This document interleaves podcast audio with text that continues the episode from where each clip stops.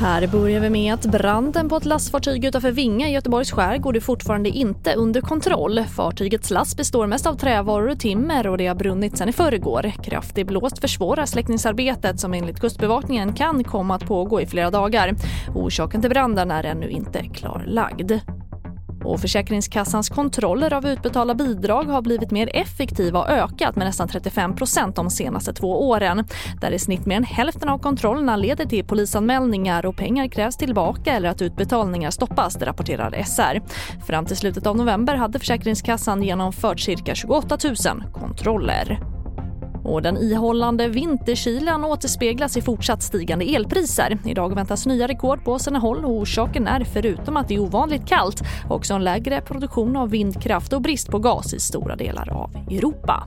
Och det var det senaste med TV4 Nyheterna och fler nyheter hittar du på vår sajt tv4.se. Jag heter Charlotte Hemgren.